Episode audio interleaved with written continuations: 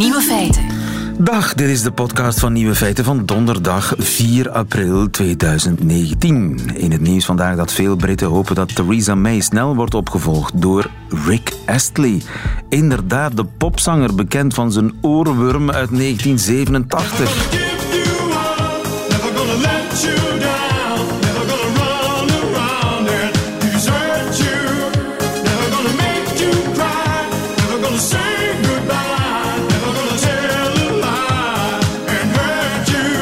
Veel Britten zijn de brexit beu en nu floreert de campagne Rick Astley for Prime Minister. Overal duiken zelfgemaakte affiches op met daarop de redenen waarom Rick Astley de man is die Groot-Brittannië zou moeten leiden. Want hij zal je never upgeven, he will never let you down, run around, desert you, make you cry, say goodbye, tell a lie and never hurt you.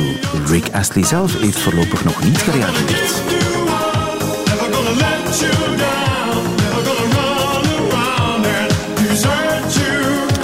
Andere nieuwe feiten vandaag. De bataat is de nieuwe patat. Een kleine 70% van wat er in uw winkelkar ligt kost iets dat eindigt op een 9. Fellatio, pijpen in de volksmond, zou kunnen helpen tegen miskramen. En dat het klimaatakkoord van Parijs maar 500ste graad winst oplevert, zoals Thierry Baudet beweert, dat is niet waar. De nieuwe feiten van Nico Dijkshoorn hoort u in zijn middagjournaal. Veel plezier. Nieuwe feiten. Thierry Baudet van Forum voor Democratie heeft de verkiezingen gewonnen in Nederland. En nu circuleren er volop filmpjes met hem op de sociale media. Eentje daarvan heeft mij nogal getroffen. Baudet in debat met Jesse Klaver van GroenLinks in de Tweede Kamer. Een debat over de drastische klimaatmaatregelen die de regering wil nemen allemaal boter aan de galg, zegt Baudet. En als alle landen die zich hebben gecommitteerd aan die Parijsdoelstellingen zich zouden houden aan datgene wat ze hebben beloofd, dan zou dat een verandering van de klimaatverandering tot gevolg hebben, als je die modellen dus gelooft, van 0,05 graden Celsius. Thierry Baudet in het Nederlands parlement eind vorig jaar. Zelfs al houdt iedereen zich stipt aan het klimaatakkoord van Parijs, zelfs dan beperken we de opwarming van de aarde met amper vijfhonderdste van een graad. Met peanuts dus. Al die inspanningen om de CO2 te beperken, al die miljarden, allemaal weggesmeten geld. En het rare was, Jesse Klaver van GroenLinks, die had er niet meteen een antwoord op. Joris Meijs, goedemiddag. Goedemiddag. Joris, je bent bio-ingenieur en statisticus van de Universiteit van Gent. Ja, ik werk bij de bio-ingenieurs. Ik ben zelf bioloog en statisticus. Je bent bioloog en statisticus, dat wou ik zeggen. Uh, levert Parijs inderdaad maar 0,05 graden minder opwarming op? Uh, het is heel moeilijk om te zeggen exact hoeveel dat het gaat zijn, maar er zijn verschillende studies gebeurd, onder andere door het International Energy Agency en door uh, de UN Environmental Program, uh, door de European Commission Joint Research Council, en die komen allemaal op cijfers uit ver boven een graad.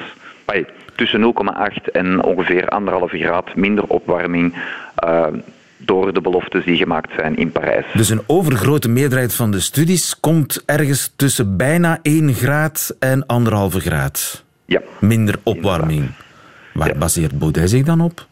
Wel, er is één studie uit 2015 van Lomborg en die komt op een heel ander getal. Uh, Lomborg is uh, een vrij bekende Deense econoom die al heel lang over uh, milieu en over klimaatverandering schrijft. Um, maar zijn studies wijken heel vaak enorm af van wat dat er in de andere wetenschappelijke literatuur te vinden is.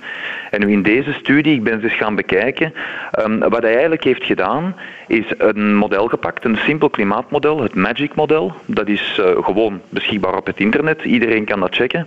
En hij heeft daar een aantal uitstootscenario's ingestoken. Dus wat hij doet, is hij maakt een aantal aannames over hoe dat de CO2-uitstoot gaat evolueren projecteert dat tot 2100, steekt dat in dat model en gaat dan kijken wat is het verschil met een scenario waar dat er absoluut niks gebeurt. Mhm. Nu, het probleem uh, daarbij is dat de uitkomst van een model eigenlijk bijna volledig wordt bepaald door wat dat je veronderstelt dat er gaat gebeuren.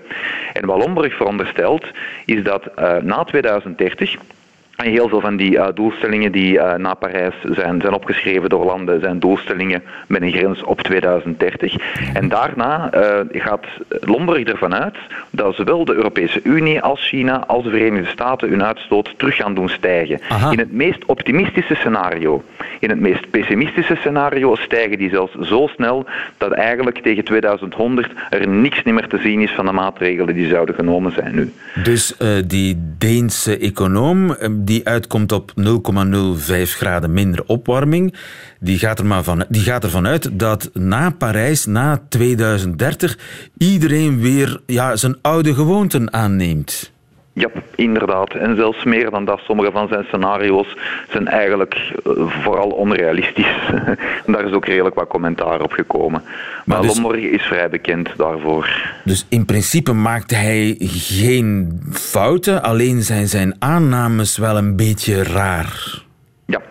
Daar komt het vaak op neer. En dat is ook heel het moeilijke in, in, in die studies.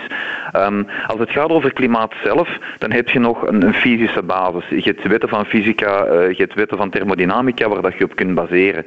Nu, als het gaat over energiegebruik en, en waar die energie vandaan komt, dan praten we over economie. En ik denk dat elke econoom het met mij eens zal zijn als je projecties wilt maken over dit genre dingen tot 2100 ja, je kunt niet op heel weinig baseren. Dus je moet eigenlijk beginnen van een veronderstelling en vanuit die veronderstelling gaat je dan een projectie doen. En wat we zien is dat uh, Lomborg, en hij doet dat wel vaker, als hij veronderstellingen zo kiest dat hij een uitkomst krijgt die ondersteunt wat hij wil vertellen. Ja. De andere studies die dat gebeurd zijn, die het meer objectief doen, die geven om te beginnen een, een, een range van getallen. Die gaan niet zeggen van ja, het gaat 1 graad zijn of, of, of 0,8 graden. Die gaan zeggen het ligt tussen 0,8 en 1,4 graden, het effect. En die gaan ook uit van, van meer realistische scenario's. Ja, maar dus de conclusie is de, de, klim, de energietransitie is wel degelijk zinvol. Het maakt wel degelijk een, een voelbaar verschil uit. Ja, absoluut. absoluut. Bovendien heb je, ook het feit, we focussen heel vaak op die grens van anderhalve graad, maar dat is geen harde grens. Het is niet zo dat uh, 1,49 graden goed is en 1,51 graden heel slecht. We hebben die anderhalve graad ingesteld. Dat is meer een politieke beslissing geweest uh, dan wat anders, omdat we weten dat bij anderhalve graad de impact op de maatschappij, zoals, zoals die nu is, dat die nog vrij beperkt gaat zijn en dat die beheersbaar zal zijn. We gaan daaraan kunnen aanpassen. Bij 2 graden wordt het moeilijker, bij 3 graden wordt het waarschijnlijk zeer onmogelijk zelfs. Maar uh, het belangrijkste punt in heel dat verhaal is dat elke elke ton CO2 die wij minder uitstoten, zal een effect hebben op lange termijn. Want die CO2 die blijft heel lang doorwerken. Dus elke actie die wij nu ondernemen, zal een klein beetje van die opwarming vermijden. Dus die 0,05 graden minder opwarming, dat is onzin. Dat is toch de belangrijkste conclusie ook van, uh, van dit gesprek. Ja, ik denk dat we dat ook kunnen stellen zo.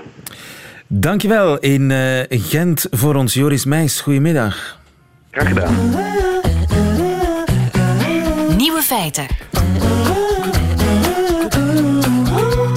Veel supermarkten in Nederland die hebben hun prijzen verhoogd om ze lager te doen lijken. Gino van Ossel, goedemiddag. Goedemiddag. Je bent professor marketing. Tja, in Nederland is in januari de BTW verhoogd en daardoor verloren veel producten hun eindcijfer 9. En dat is een commerciële ramp. Ja, wel, een ramp. Het uh, is inderdaad zo dat er toch verondersteld wordt dat als een prijs op uh, het getal 9 eindigt, dat dat beter is voor de omzet. Maar in dit geval zou ik eerder zeggen dat is een kans. Dus als je eindigt met een prijs die eindigt op punt 6, ja, waarom zou je er dan geen 9 van maken? Dan uh, verhoogt je marge en uh, ja, is de prijsperceptie toch niet dat het duurder is. Ja, ja, dus ze hebben eigenlijk een kans gepakt om stiekem een prijsverhoging door te voeren die niet al te zeer opvalt. Ja, daar komt het op neer. Daar en komt dus wat, daar, wat daarachter zit, ja, want de, de verklaring daarvan, uh, dat is allemaal speculatie. We weten dat niet zeker, uh, maar de verklaring die het meest wordt gegeven, als een prijs bijvoorbeeld 4,99 euro uh, is, ja, dan uh, ontstaat in de geest van de mensen uh, dat het toch iets meer 4 euro is dan uh, 5 euro. Ook al zit je maar 1 cent van die 5 euro en 99 cent boven de 4, dat getalletje 4 primeert. En dat geldt dus ook als het 4,19 is, ja, dan klinkt het meer als 4,10 dan 4,20. Dus de kloof tussen die 9 en de bovenliggende 0, die is psychologisch uh, enorm groot, terwijl dat reëel maar over 1 cent gaat. Ja, dus, dus, vandaar 2,19 uh, euro voor een potje kaas, uh, waspoeder 8,59 ja. euro. 70% ja. van mijn winkelkarretje kost iets dat eindigt op een 9. 70%! Ja, dat zou kunnen. Uh, ik heb uh, zelf ook nog een onderzoek uh, gezien waar men gekeken heeft naar reclamefolders uh, niet alleen van de supermarkt, maar ook van andere producten. En daar heeft men inderdaad vastgesteld dat 60% van alle prijzen eindigen op het getal 9. Um, ehm, en als ik zei, het is speculatie uh, over hoe het werkt. Ja, er is toch wel consensus dat het wel degelijk een effect heeft. En een van de uh, strafste bewijzen vind ik zelf, dat heeft men ooit gedaan door met verkoop op afstand verschillende klanten exact dezelfde producten aan te bieden, maar aan een andere prijs. En dus een derde van de klanten kreeg een prijs te zien die eindigde op 0,0. Een derde kreeg prijzen te zien die eindigde op 88. Hè, dan werd dat 3,88 euro. En uh, een derde kreeg de prijs te zien die eindigde op 0,99. En raar maar waar, de omzet lag 8% hoger als de prijs eindigde op 99. En dus dat bewijst dat gewoon door die prijszetting, dat als ik um, nu zou zeggen, hè, iets kost uh, 19,88 euro of 19,99 euro, dan gaat dus 8% meer mensen kopen aan die punt 99 en nog eens meer betalen ook. Ja. Uh, de 0,0, ja, dat zou dan wellicht afronden zijn naar boven. Dan zie je dat je omzet als het ware met 8% daalt. Ja, dus ook al en is dus het duurder, we kopen het toch, want het eindigt op 9. Ja. Niet te geloven. Ja, en dit verklaart, ja, dit verklaart ook waarom met de invoering van de euro we inflatie hebben gekregen. Dat is net hetzelfde. Plots moesten we andere prijzen hanteren. Hè. We gingen van, van Belgische franken ja. naar euro's en plots zaten we op met 3,99. Wel, wat heeft iedereen toen gedaan? De prijs omgezet en dan naar boven afgerond, maar naar boven is dan naar de bovenliggende 9. En ja. dus dan gaan de prijzen omhoog en stijgen de marges van iedereen. Ja, en, en een paar centjes erbij voor een supermarkt maakt dat een enorm verschil. Hè? Dat klopt. Uh, als je alles bij elkaar rekent, dan zie je dat de meeste supermarkten ergens tussen de 0 en de 6, 7 procent verdienen. Hè. Dus dat is niet het verschil tussen aankoop-verkoopprijs. Want met dat verschil, met die bruto-marge, moeten ze nog de huren, personeel, de reclame betalen. Als je alle kosten aftrekt, dan praat je over enkele procenten. Dus elk centje dat er meer verdiend wordt, ja, dat is meer dan welkom. En dus vandaar dat men dat in Nederland uh, ja. te baat heeft genomen om eigenlijk ja, niet zozeer een commerciële ramp te vermijden, maar een commerciële opportuniteit grijpen, te grijpen om wat meer te verdienen. Ja, gelukkig ja, voor hen zijn wij consumenten zo dom. Uh, wij zijn niet dom, wij zijn irrationeel. En dat is dus het, probleem uh, bij heel veel dingen die we doen. Wij denken altijd dat wij rationeel denkende wezens zijn, maar wij doen heel veel op automatische piloot. Dus als je door een supermarkt loopt, je kijkt al niet echt naar die prijzen. Uh, en als er dan uh, inderdaad toch naar de prijs gekeken wordt, dan ja, doen we dat met zo weinig eh, betrokkenheid, met zo weinig aandacht, dat wij ons erin laten luizen. Want het is natuurlijk wel uh, een beetje de klant, uh, we zullen zeggen, beïnvloeden, maar je zou kunnen zeggen wat manipuleren. Uh, dat is altijd een kwestie van perceptie, hè, ja. hoe je dat inschat. De trucken van de voor. Dankjewel, Gino van Ossel. Goedemiddag. Graag gedaan.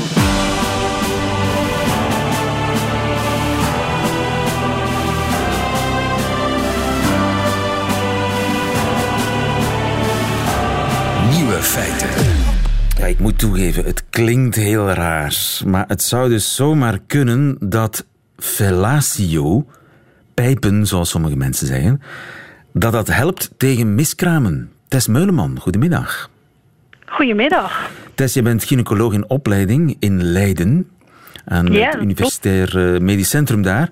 Uh, je hebt onderzoek gedaan bij vrouwen die meer dan drie keer een miskraam hebben gehad. Komt dat vaak voor, dat soort vrouwen? Nee, gelukkig niet, want het is natuurlijk heel, uh, heel verdrietig ook voor deze mensen. Um, eigenlijk in 1 tot 2 procent van de stellen die proberen zwanger te worden, die krijgen herhaalde miskramen. Dus bij een heel kleine groep, 1 tot 2 procent van de vrouwen, die krijgen miskraam na miskraam. En we weten eigenlijk niet helemaal zeker hoe dat komt. Nee, dat klopt. We hebben wel uh, ehm, 50% van de gevallen vinden wel onderliggende oorzaken. Um, en in de kleine groep kunnen we ook een behandeling bieden. Maar in het grootste gedeelte vinden we eigenlijk nog geen duidelijke oorzaak. Ja, en nu heb jij een kleine honderd van die vrouwen uh, onderzocht. Wat blijkt? Moet ik het nu gaan vertellen? Ja, je, je laat ons in spanning. Wat, wat is de belangrijkste conclusie van je onderzoek? Nou, we hebben aan deze vrouwen um, gevraagd naar seksuele anamnese. Dus gevraagd naar wat, hoe vaak ze seksueel contact hebben, ook uh, naar orale seks. En wat we zien dat deze vrouwen in vergelijking met vrouwen met een normale zwangerschap minder orale seks hebben. Um, dus wel een groot gedeelte heeft orale seks, maar het is significant minder dan vrouwen die een normale zwangerschap hebben. Uh, orale seks, maar dat kan in meerdere richtingen. Hè? Je bedoelt eigenlijk dat zij hun man niet oraal bevredigen. Of minder. Minder dan gemiddeld. Ja, minder. Ja, minder dan gemiddeld. Ja. Maar kan er een verband zijn met die miskramen? Ja, dat is natuurlijk heel. Uh, daar moeten we even helemaal teruggaan naar dat eigenlijk de zwangerschap iets heel bijzonders is. Um, want dat vergeten we eigenlijk. Hè, dat het, het gaat natuurlijk eigenlijk heel vaak goed. Maar als je er goed over nadenkt, is een kind gewoon lichaamsvreemd voor de helft voor de, voor de moeder. Want het draagt de eiwitten van de vader uh, bij zich. En uh, als we bijvoorbeeld naar kijken naar transplantatiegeneeskunde, als we een nier transplanteren uh, bij een ontvanger, moet hij jarenlang medicatie gebruiken om te zorgen dat die nier niet wordt afgestoten. Dus het is eigenlijk heel bijzonder dat die moeder dat kind niet afstoot. Dus er moet eigenlijk een soort ja, tolerantie, dat immuunsysteem, afweersysteem van die moeder moet onderdrukt worden. Ja. Nou, dat is de eerste stap. Um, en hoe kan het? We weten dat er heel veel dingen gebeuren in een zwangerschap die zorgen dat het immuunsysteem, dat afweersysteem onderdrukt wordt. Maar wat we ook weten is dat in het zaadvloeistof van de man eiwitten zitten van de vader die ook tot expressie komen op het kind. Um, en het idee is eigenlijk dat als je vaker in contact komt met die eiwitten, dat het immuunsysteem dus geremd wordt van die moeder. Nou, waarom moeten vrouwen dan uh, orale seks hebben. Dat heeft alles te maken met het slijmvlies in de mond. Uh, het slijmvlies in de mond is heel goed in staat om dat afweersysteem te remmen. Om eigenlijk een soort tolerantie te creëren. Mhm. En dat uh, komt omdat het, ja, de, de slijmvlies in de mond elke dag in contact komt met die eiwitten uit voedsel en zo. En dat moet het, dat moet het ook doen. En het, het slijmvlies bij de vagina is daar minder voor geschikt? Ja, daar is het ook wel voor geschikt. Uh, maar we zien dat, uh, we weten ook uit eerder onderzoek dat, dat slijmvlies in de mond daar gewoon een heel goed systeem voor heeft. En ook sneller die eiwitten opneemt. Um, al is dat slijmvlies in de vagina ook belangrijk. Want we weten ook uit eerder onderzoek dat uh, vaker seksueel contact en uh, langere, langere relaties, ook zorgt voor minder, ja, bijvoorbeeld zwangerschapsvergiftiging. Dus daar waren ook altijd al aanwijzingen dat dat zo belangrijk is om dat afweersysteem van de moeder te onderdrukken. Dus dat zou die hypothese eigenlijk kunnen ondersteunen, dat de vrouw moet eigenlijk wennen aan de eiwitten van de man en dat kan het best door in contact te komen met de zaadvloeistof, het sperma van de man. En dat kan ja. vaginaal, maar eigenlijk nog beter oraal. Ja, dat, dat, dat, dat, dat is dat de theorie. Denken. Ja, dat is de theorie, ja. We weten dat eigenlijk ook nog niet zeker. Maar ja, hoe test je dat? Hè? Dat is niet simpel. Nee, dat is, dat is inderdaad niet simpel. En eigenlijk zou je dat moeten testen, want ik, we zien het nu in de, deze groep. Wat je eigenlijk zou moeten doen is kijken van beschermt het uh, bij vrouwen. En dan zou je bijvoorbeeld een onderzoek doen, moeten doen met zaadcapsules. Um, en dan dat is natuurlijk een mogelijkheid, want ja, ik zat te denken slikken voor de wetenschap, maar dat is, dat is, ik bedoel, er zijn grenzen, hè? Ja, en de vraag is ook of mensen mee willen werken aan ja. het onderzoek met zaadcapsules. Maar dat zou wel de manier zijn om uit te zoeken of het inderdaad effect heeft. En ook effect heeft bij vrouwen met herhaalde miskramen, zodat ze meer levend geboren kinderen ja, want het, het, het, is natuurlijk een kleurrijk gesprek, maar het gaat om zeer ingrijpende dingen die mensen echt ja. uh, levenslang uh, trauma's kunnen opleveren. Dus Ja, zeker. Ja. Ik, ik heb natuurlijk ook in mijn onderzoek veel met uh, vrouwen en stellen met herhaalde miskramen te maken gehad. En het is gewoon heel verdrietig. Um, gelukkig is wel goed om te weten dat de meeste vrouwen met herhaalde miskramen uiteindelijk wel een uh, levensgeboren kind krijgt. Ongeveer 70 tot 80 procent. Maar ze moeten wel elke keer weer die miskraam ondergaan. En uh, ja, dat is heel de heftig. Spanning en afwachten en misschien gaat het deze keer ja. weer mis. Maar dus in theorie zou een spermapil dat kunnen voorkomen. Alleen moet jij dat nu nog verder onderzoeken om daar meer zekerheid over te scheppen. Ja, in het onderzoek zou ik een spermapil gebruiken, maar anders zou ik mensen adviseren, als dat zo blijkt, um, om gewoon orale seks te hebben. Ja, kan zeker geen kwaad. Dankjewel, Tess Meuleman. Nou. Goedemiddag. Oké, okay, dag. Altijd benieuwd. Nieuwe feiten. Tja, wie eet er nog warme patatjes? Ik ook niet. En de jeugd al helemaal niet. Millennials die vervangen de patat namelijk stilaan door de bataat. Seppe Nobels, goedemiddag. Goedemiddag.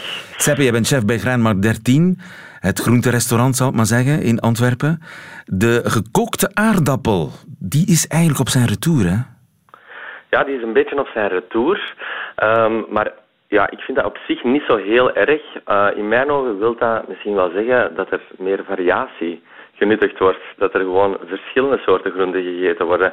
En niet meer alleen de aardappel. Want vroeger was dat een heel groot onderdeel van ons bord. Ja, we aten elke dag aardappelen. Dat was eigenlijk het basisbestanddeel van uh, van ons eten. Maar uh, de jongere mensen die vinden de aardappel uh, minder interessant. Hoe zou dat komen? Ja, je moet ze natuurlijk in grote zakken kopen. Dat is niet echt handig. Je moet ze schillen. Dat is eigenlijk al een enorm probleem. Ja, dat zou inderdaad Bepaal, er zijn bepaalde redenen hè, om het misschien uh, te laten, omdat zo'n grote zak veel is en verwerk het maar allemaal. Maar anderzijds denk ik dat we ook heel hard beïnvloed worden door social media en dat trends en bereidingen en creaties uit Azië en Amerika gewoon veel sneller hier zijn. En uh, de jeugd volgt dat gewoon enorm hard op. Plus dat de jeugd ook niet meer gewoon eet wat voorgeschoteld wordt. Ze hebben vragen, is dat wel gezond? Zitten daar genoeg vitaminen in? Uh, beta-carotene? Um, is het glutenvrij? Is, uh, zitten er koolhydraten in? Vezels? Er worden enorm veel vragen gesteld door de jeugd en ik vind dat positief. Ja, en, en de klassieke gekookte aardappel die scoort niet zo goed op al die punten, hè? Minder, minder, maar ik ben daar ook wel fier op, want ik ben een chef die dat um, veel in het buitenland gaat koken. En het eerste wat ik hoor uh, is chocolade, bier en frieten. Daar zijn jullie goed in. Oké, okay, dus maar we hebben het niet over frieten natuurlijk. We hebben het over de klassieke gekookte aardappel op grootmoederswijze. Ja, inderdaad. Ja, dat is inderdaad iets um, wat dat misschien... Ja, laat ons eerlijk zijn. Uh, het is super lekker, een lekkere pol polderaardappel. Maar de manier dat het jarenlang geserveerd werd, is het een beetje bordvulling geworden. Ja. En daar stappen we vanaf. We willen geen bordvulling meer, we willen geen saai eten meer. En dus grijpen meer en meer mensen naar de bataat. Wat is nu ook een bataat alweer? Een bataat is een uh, zoete aardappel. Komt ook uit Zuid-Amerika, gelijk als de gewone aardappel. Het is niet plots een indringer, want wij zijn goed in uitheemse groenten ontvangen. Net zoals de aardappel, die dat hier al jaren en dag geteeld wordt. Um, is ietsje zoeter van smaak. En ik vind ook dat hij eigenlijk een beetje zout of um, iets fris, een zuur uh, mankeert. Dus dat moeten we er zeker aan toevoegen. En dan denk ik bijvoorbeeld aan limoensap, uh, iets platte kaasachtig, iets lekker fris en zuur. Of uh, gezouten spek. Vind ik heel lekker in combinatie met bataat. Ja, hij ziet er een beetje uit als een aardappel, hè? alleen een wat langer en wat roder. Ja, langer, roder, oranje, paars. Hij heeft verschillende kleuren binnenin. Er zijn verschillende ja. families. Um, dus er zijn hele mooie variëteiten. Hij is beenhard. Het, is, het, lijkt, het lijkt wel een steen. Hij is ook best wel moeilijk om te schillen. En daarom kan je hem bijvoorbeeld heel goed poffen in de oven. Je legt hem op een ovenschaal, een beetje olie erover en een uurtje op 160 graden. Dan poft hij die gaar en dan kan je die openen en dan heb je eigenlijk zo, ja, zoals dat wij eigenlijk een klassieke aardappel in houtskool op de barbecue leggen in zilverpapier, hè, zo ja. heel klassiek. Dan krijg je dat, dat gevoel, een gepofte groente, En het is eigenlijk veel handiger, veel makkelijker dan uh, hetzelfde resultaat met een klassieke aardappel van bij ons. Eigenlijk is het handig. Uh, het is verrassend van smaak. Uh, ja, ik, ik promote groente echt, maar ik zou de gewone aardappel niet afschrijven. Ja. Anderzijds, mijn buikgevoel zegt wij nemen alle hypes uit Azië en Zuid-Amerika onmiddellijk over via de World Wide Web en volgen al die bloggers en, en vinden dat heel inspiratievol. Maar is het niet eens een keer aan ons als Vlaamse chefs en als Vlaamse foodies om onze Mechelse asperges, spruiten en, witloof de wereld in te sturen en te laten zien wat dat daar allemaal mee kan. Een beetje trots op eigen groenten. Want dat is eigenlijk mijn enige probleem met die bataat. Omdat, ja, je kunt allemaal zeggen hip en nieuw en fris en jong en handig. Maar het komt wel uit Zuid-Amerika. Klimaatgewijs is dat niet zo interessant, toch? Hè? Met de opwarming van de aarde kan het in België geteeld worden. Hè. Er zijn al boeren mee bezig. Het heeft een beetje extra hitte nodig. De aarde zou iets warmer moeten zijn. Dus dat, dat lossen ze op door daar zwarte plastic uh, folies over hun vel te spannen. Om meer uh, warmte in die aarde te krijgen. Het kan hier geteeld worden.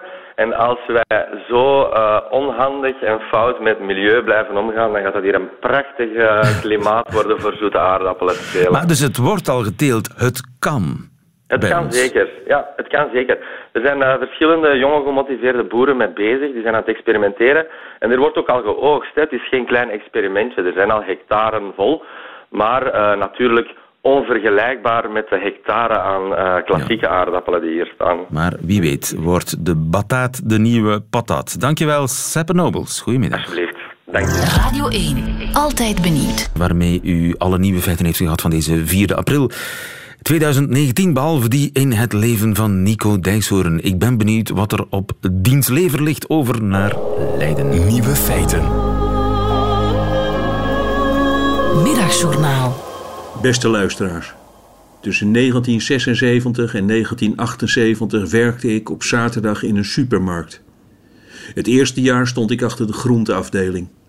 Volwassen vrouwen keken mij aan en zij vroegen: Hoe lang kan ik die bloemkool bewaren? En ik dacht dan: Vrouw, u bent volwassen, u hebt kinderen gebaard, u woont zelfstandig in een huis en u weet hoe je bloemen heel leuk in een vaas zet. Hoe is het dan mogelijk dat u aan een 16-jarige jongen vraagt hoe lang een bloemkool kan blijven liggen? Dat dacht ik, maar dat zei ik niet. Ik verzon gewoon maar wat. In het begin waren mijn antwoorden kort. Ik zei vier dagen, maar legt u hem dan niet dicht bij een banaan. En zo leek het alsof ik verstand had van groenten. Ik kreeg daar plezier in, het beantwoorden van vragen. Die vrouwen, ze maakten hun dagelijkse gang naar de winkel om eten te kopen en ik schopte wat beweging in die dagelijkse sleur. Ik begon steeds vreemdere antwoorden te geven. Als ze wezen naar een paprika en ze vroegen hoe duur die was, dan zei ik: Die is vandaag niet te koop. Die paprika die heet Ricky. Zijn broer ligt ernaast. Die heet Robbie. Hun moeder was een courgette. Ze is gisteren overreden door een fiets. Ik houd ze vandaag even bij me. Er werd mij ook gevraagd hoe lang je bepaalde groenten moest koken. Ook dat maakte ik voor mijzelf iets aantrekkelijker. Ik liet ze een aardappel zien en dan zei ik: Dit is een Barner kakelbind. Die schreeuwt heel hard als je hem kookt. Heel hoog en heel hard. U kunt hem in de schil koken. Dat is ongeveer net zoiets als dat ik u met uw jas en al in een bad vol kokend frituurvet gooi. Hoeveel had u er willen hebben, mevrouw Van Rij? De meest gestelde vraag was: hoeveel heb ik daarvan nodig? Ze wezen dan bijvoorbeeld naar een bak vol met spinazie. Ik antwoordde: uw eigen gewicht met uw kleren aan gedeeld door 40. Dat is heel makkelijk te onthouden, want toen begon de Tweede Wereldoorlog. En dan zeiden die vrouwen tegen mij: Ja, maar groenteman, ik weet helemaal niet hoeveel ik weeg. En dan kwam ik achter mijn groentebalie vandaan en dan tilde ik ze even op. Ik zei: Wat heb u prachtig haar. Daarna kochten ze 89 gram spinazie. Ik zei: Vier uur lang koken en ondertussen aan iets leuks denken. Een andere man bijvoorbeeld.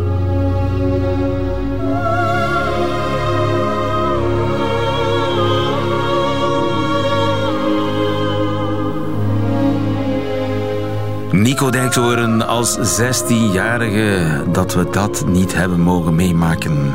Einde van deze podcast, maar u vindt er nog veel meer op radio1.be en op de podcastkanalen. Tot volgende keer.